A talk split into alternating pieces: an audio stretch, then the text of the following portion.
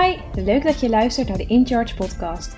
De podcast waarin wij, Mark en Natasja, je wekelijks meenemen in allerlei onderwerpen met betrekking tot persoonlijke en lifestyleontwikkeling. In het drukke dagelijks leven is het voor heel veel mensen lastig om bewust om te gaan met hun voeding. Vaak grijpen we tussen de maaltijden door naar makkelijke snacks. In welke mate dat een probleem is, hangt af van de doelen die je hebt. Een bepaalde mate van snacken is heel normaal, sociaal en ook gewoon heel lekker. Er zijn veel verschillende redenen te benoemen waarom we snacken.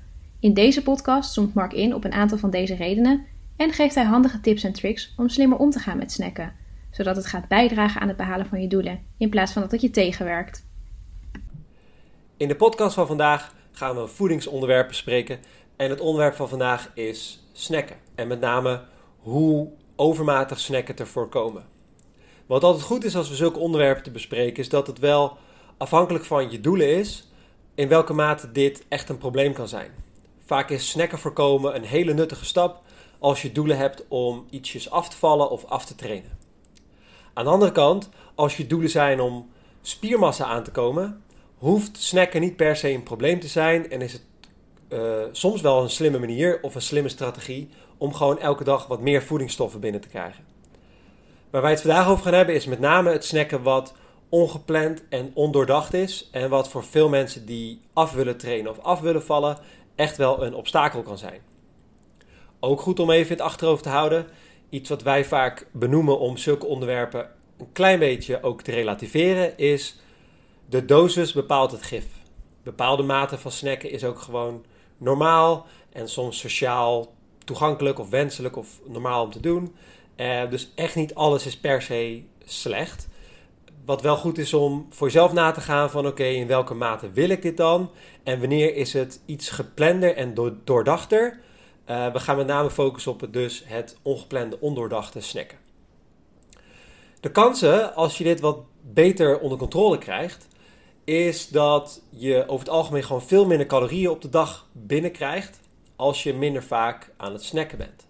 Dus afvallen wordt vaak toegankelijker gemaakt, of aftrainen van je lichaam wordt vaak toegankelijker gemaakt als er wat minder momenten van snacken is. Ook is het nuttig om minder vaak te snacken om bijvoorbeeld je darmen iets vaker uh, rust te geven. Over het algemeen uh, met heel veel, heel vaak eten uh, kan dit gevolg hebben voor de, de tijd die je darmen hebben om eten te verwerken en de tussenperiodes van dat je darmen even niet echt iets te doen hebben, zodat de darmwand de kans krijgt om te herstellen. Dit heeft wat verschillende uh, gevolgen, maar dat kunnen we in een vitaliteitspodcast nog wel eens bespreken. De gevaren van te veel te vaak snacken is dus ook dat je onrustige darmen kan hebben, te veel binnenkrijgt en dat dit te kosten kan gaan van hoeveel je eet en ook wel je smaak tijdens de voedzame maaltijdmomenten. Dus ontbijt, lunch, avondeten. Um, te vaak te veel snacken heeft daar best wel veel invloed op. Dus best wel een interessant onderwerp om eens te bespreken en voor jezelf eens na te gaan van hey, kan ik hier iets mee? Er zijn een paar uh, verschillende, uh, verschillende redenen waarom we snacken. Maar het is ook eens goed om eens in te zoomen op wat, wat benoemen we nou eigenlijk onder snacken? Wat valt eronder? Um, en wat ik net al even aangaf is alles wat ongepland en ondoordacht is. Ik denk dat dat een mooie samenvatting is. Valt wel echt onder snacken. Dan kan je denken aan handjes nootjes op de bank, chips s avonds of voor het eten gaan. Um, je kan denken aan marsen en andere repen die je tussendoor eet omdat je toevallig nog honger hebt en je bent onderweg. Uh, allemaal van dat soort momenten dat het een beetje tussendoor komt. Als het ongepland en ondoordacht is, is het vaak ook makkelijk. Snack is ook vaak niet iets wat je heel erg bereidt, maar wat je gewoon in één keer pakt en opeet.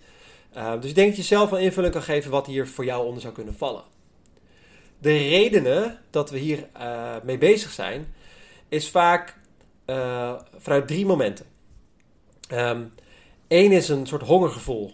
S'avonds laat na trainen of aan het eind van de middag zijn er wel eens momenten dat je echt gewoon een hongergevoel hebt. Voor de helft is dit logisch, want je hebt verbrand of je hebt lange tijden niet gegeten, dus je lichaam vraagt om voedingsstoffen.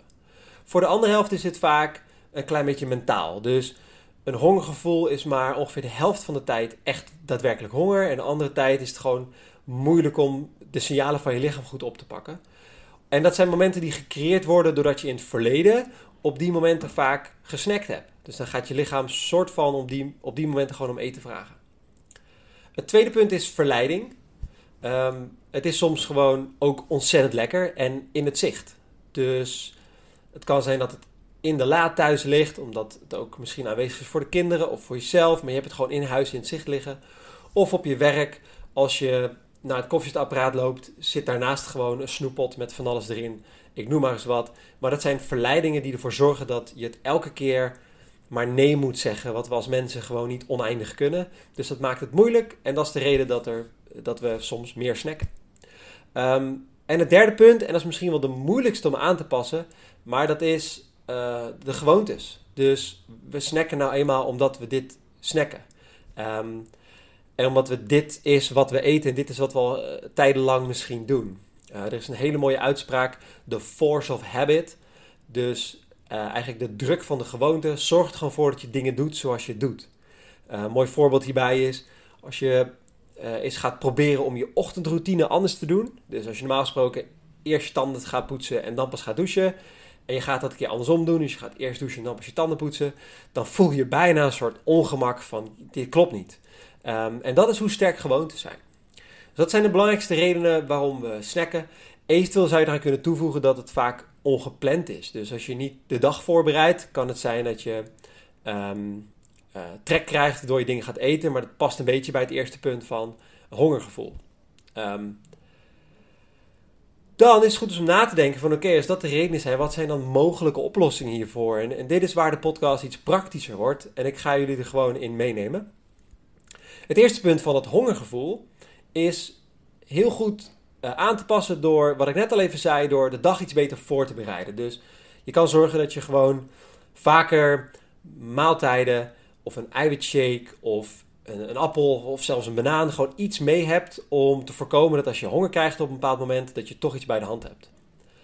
Maar de belangrijkste reden is denk ik dat veel mensen net niet voedzaam genoeg en überhaupt voldoende eten op de belangrijke momenten, waardoor ze te snel weer honger krijgen. Dus um, een, een ontbijt, een lunch, het avondeten is soms net niet voedzaam genoeg om uh, het hongergevoel en het snacken te voorkomen. Hoe kan je dat dan wel doen?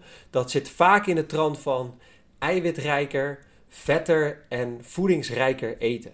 Veel meer voedingsstoffen. Um, vaak hetgene wat, zeker wat we ontbijten, maar soms ook wel bij het lunch of bij het avondeten, is behoorlijk koolhydraatrijk. De gemiddelde Nederlander heb ik het dan over. En soms weinig eiwit en vetrijk. Denk bijvoorbeeld in de ochtend aan crackers, brood en een klein beetje beleg daarop. En soms is het beleg ook nog wel eens extra koolhydraten. En dan heb je net niet genoeg eiwitten en vetten binnengekregen, waardoor je vaak snel weer honger hebt. Soms gebeurt dat smiddags ook met bijvoorbeeld kwark met een beetje muesli. Dan heb je wel wat kwark, maar de muesli is alleen maar uh, eiwit. Wat je dan vaak tekort komt is vetten. Waardoor je snel weer honger krijgt. S'avonds zien we dit soms ook wel gebeuren. De gemiddelde pasta's die wij bijvoorbeeld voorbij zien komen. Uh, of soms ook wel de verschillende rijstgerechten is vaak een heel groot percentage pasta en rijst en veel te weinig groenten, uh, pulvruchten en, en, andere dingen. Waardoor je de balans veel meer zoekt tussen eiwitten, vetten en koolhydraten. Daarnaast is het voor veel mensen gewoon een, uh, een opgave om veel te eten. Veel mensen ontbijten helemaal niet of ontbijten vrij weinig en waardoor je snel weer honger hebt en de kans op snacken groter is. Nou, ik denk dat die wel redelijk helder is. En ook mogelijk heb je een richting waarmee je het zou kunnen oplossen. Het tweede punt was verleiding. En verleiding is ook een lastige, uh, maar wel een simpelere op te lossen. Want als je er bewust van bent, kan je proberen de verleidingen gewoon uit het zicht te werken. Dus um, de dingen die je niet wil eten of snacken thuis, gewoon in laadjes weg te stoppen. En tegelijkertijd de dingen die je wel zou willen eten als alternatief meer in het zicht te brengen. Dus je kan de fruitschaal ergens op de keukentafel neerzetten. En zorgen dat de fruitschaal vaak goed gevuld is, zodat het, dat je eerder een banaan, pakt dan een paar stukken chocola. Voor sommige dingen is het wel heel erg moeilijk om het echt uh, uit zicht te krijgen. Uh, zeker met kinderen thuis of die snoeppot op werk. Misschien staat die er gewoon nou eenmaal. Uh, dan kan je wel kijken of je het kan voorkomen door er echt bewust over na te denken en een alternatief te bedenken voor jezelf. Dus misschien iets mee naar het werk te nemen, wat jij dan kan eten op het moment dat je uitgedaagd wordt door die snoeppot. Of iets anders in huis te hebben, dat als je thuis het snoep voor de kinderen ziet, dat je zelf denkt van, hé hey, wacht, dan ga ik dit eten. Dus daar kan je proberen de verleiding mee te doorbreken. Dan misschien wel de moeilijkste van allemaal is de gewoontes. Gewoontes aanpassen is een van de moeilijkste dingen. Wat wij daar vaak voor adviseren is om met food swaps te werken. Dus je gaat eigenlijk gewoon letterlijk kijken of je de ene gewoonte kan vervangen voor een andere gewoonte. En wat je dan doet is, je maakt een lijstje voor jezelf in, in een boekje of op je laptop. Met aan de linkerkant een lijstje met op welk moment eet ik wat. En dat ga je aan de rechterkant vervangen met hetzelfde moment wat je dan wel wil eten. We zijn allemaal prima in staat om de slechte dingen in kaart te brengen en uh, alternatieven te bedenken. Die we mogelijk, als we er goed over nadenken, ook super lekker vinden.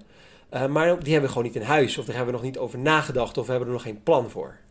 Dus het is goed om daar met foodswaps wel gewoon een plan voor te maken. Het ene voor het andere te vervangen. En vervolgens te zorgen dat je het in huis haalt wat je dan wel wil eten. Dit zijn wat praktische tips om met snacken om te gaan en snacken een beetje te voorkomen. Um, wat in ieder geval heel interessant is om bewust met dit soort dingen om te gaan, bewust met je doelen om te gaan.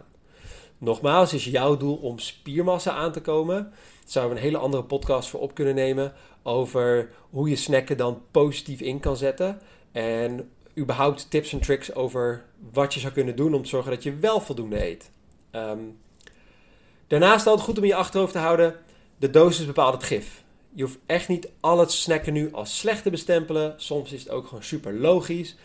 Uh, waar wij graag met jullie over in gesprek gaan, is om het ongeplande, ondoordachte en, en die gewoonte eruit te halen als het niet nodig is. Maar dat het een tractatie blijft, zeg maar. Stel jezelf eens uh, de vraag: wanneer snack ik eigenlijk het meest? Uh, met welke dingen ben ik super happy? En wat zou ik misschien wel willen aanpassen? Het is goed om eens over na te denken bij het onderwerp snacken voorkomen.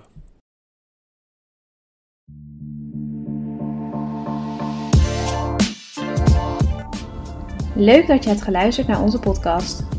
Zit je na het luisteren met een persoonlijke vraag? Stuur ons een berichtje via www.incharge.academy. Dan nemen wij contact met je op voor een gratis kennismaking. Vond je het onderwerp interessant en ben je benieuwd naar meer? Neem dan eens een kijkje op onze podcastpagina en onze Instagram. Heb je feedback of tips voor ons? Of heb je een onderwerp waar je graag meer over zou willen leren? Laat het ons weten. Wij hopen in ieder geval dat jij volgende week weer luistert. Tot dan!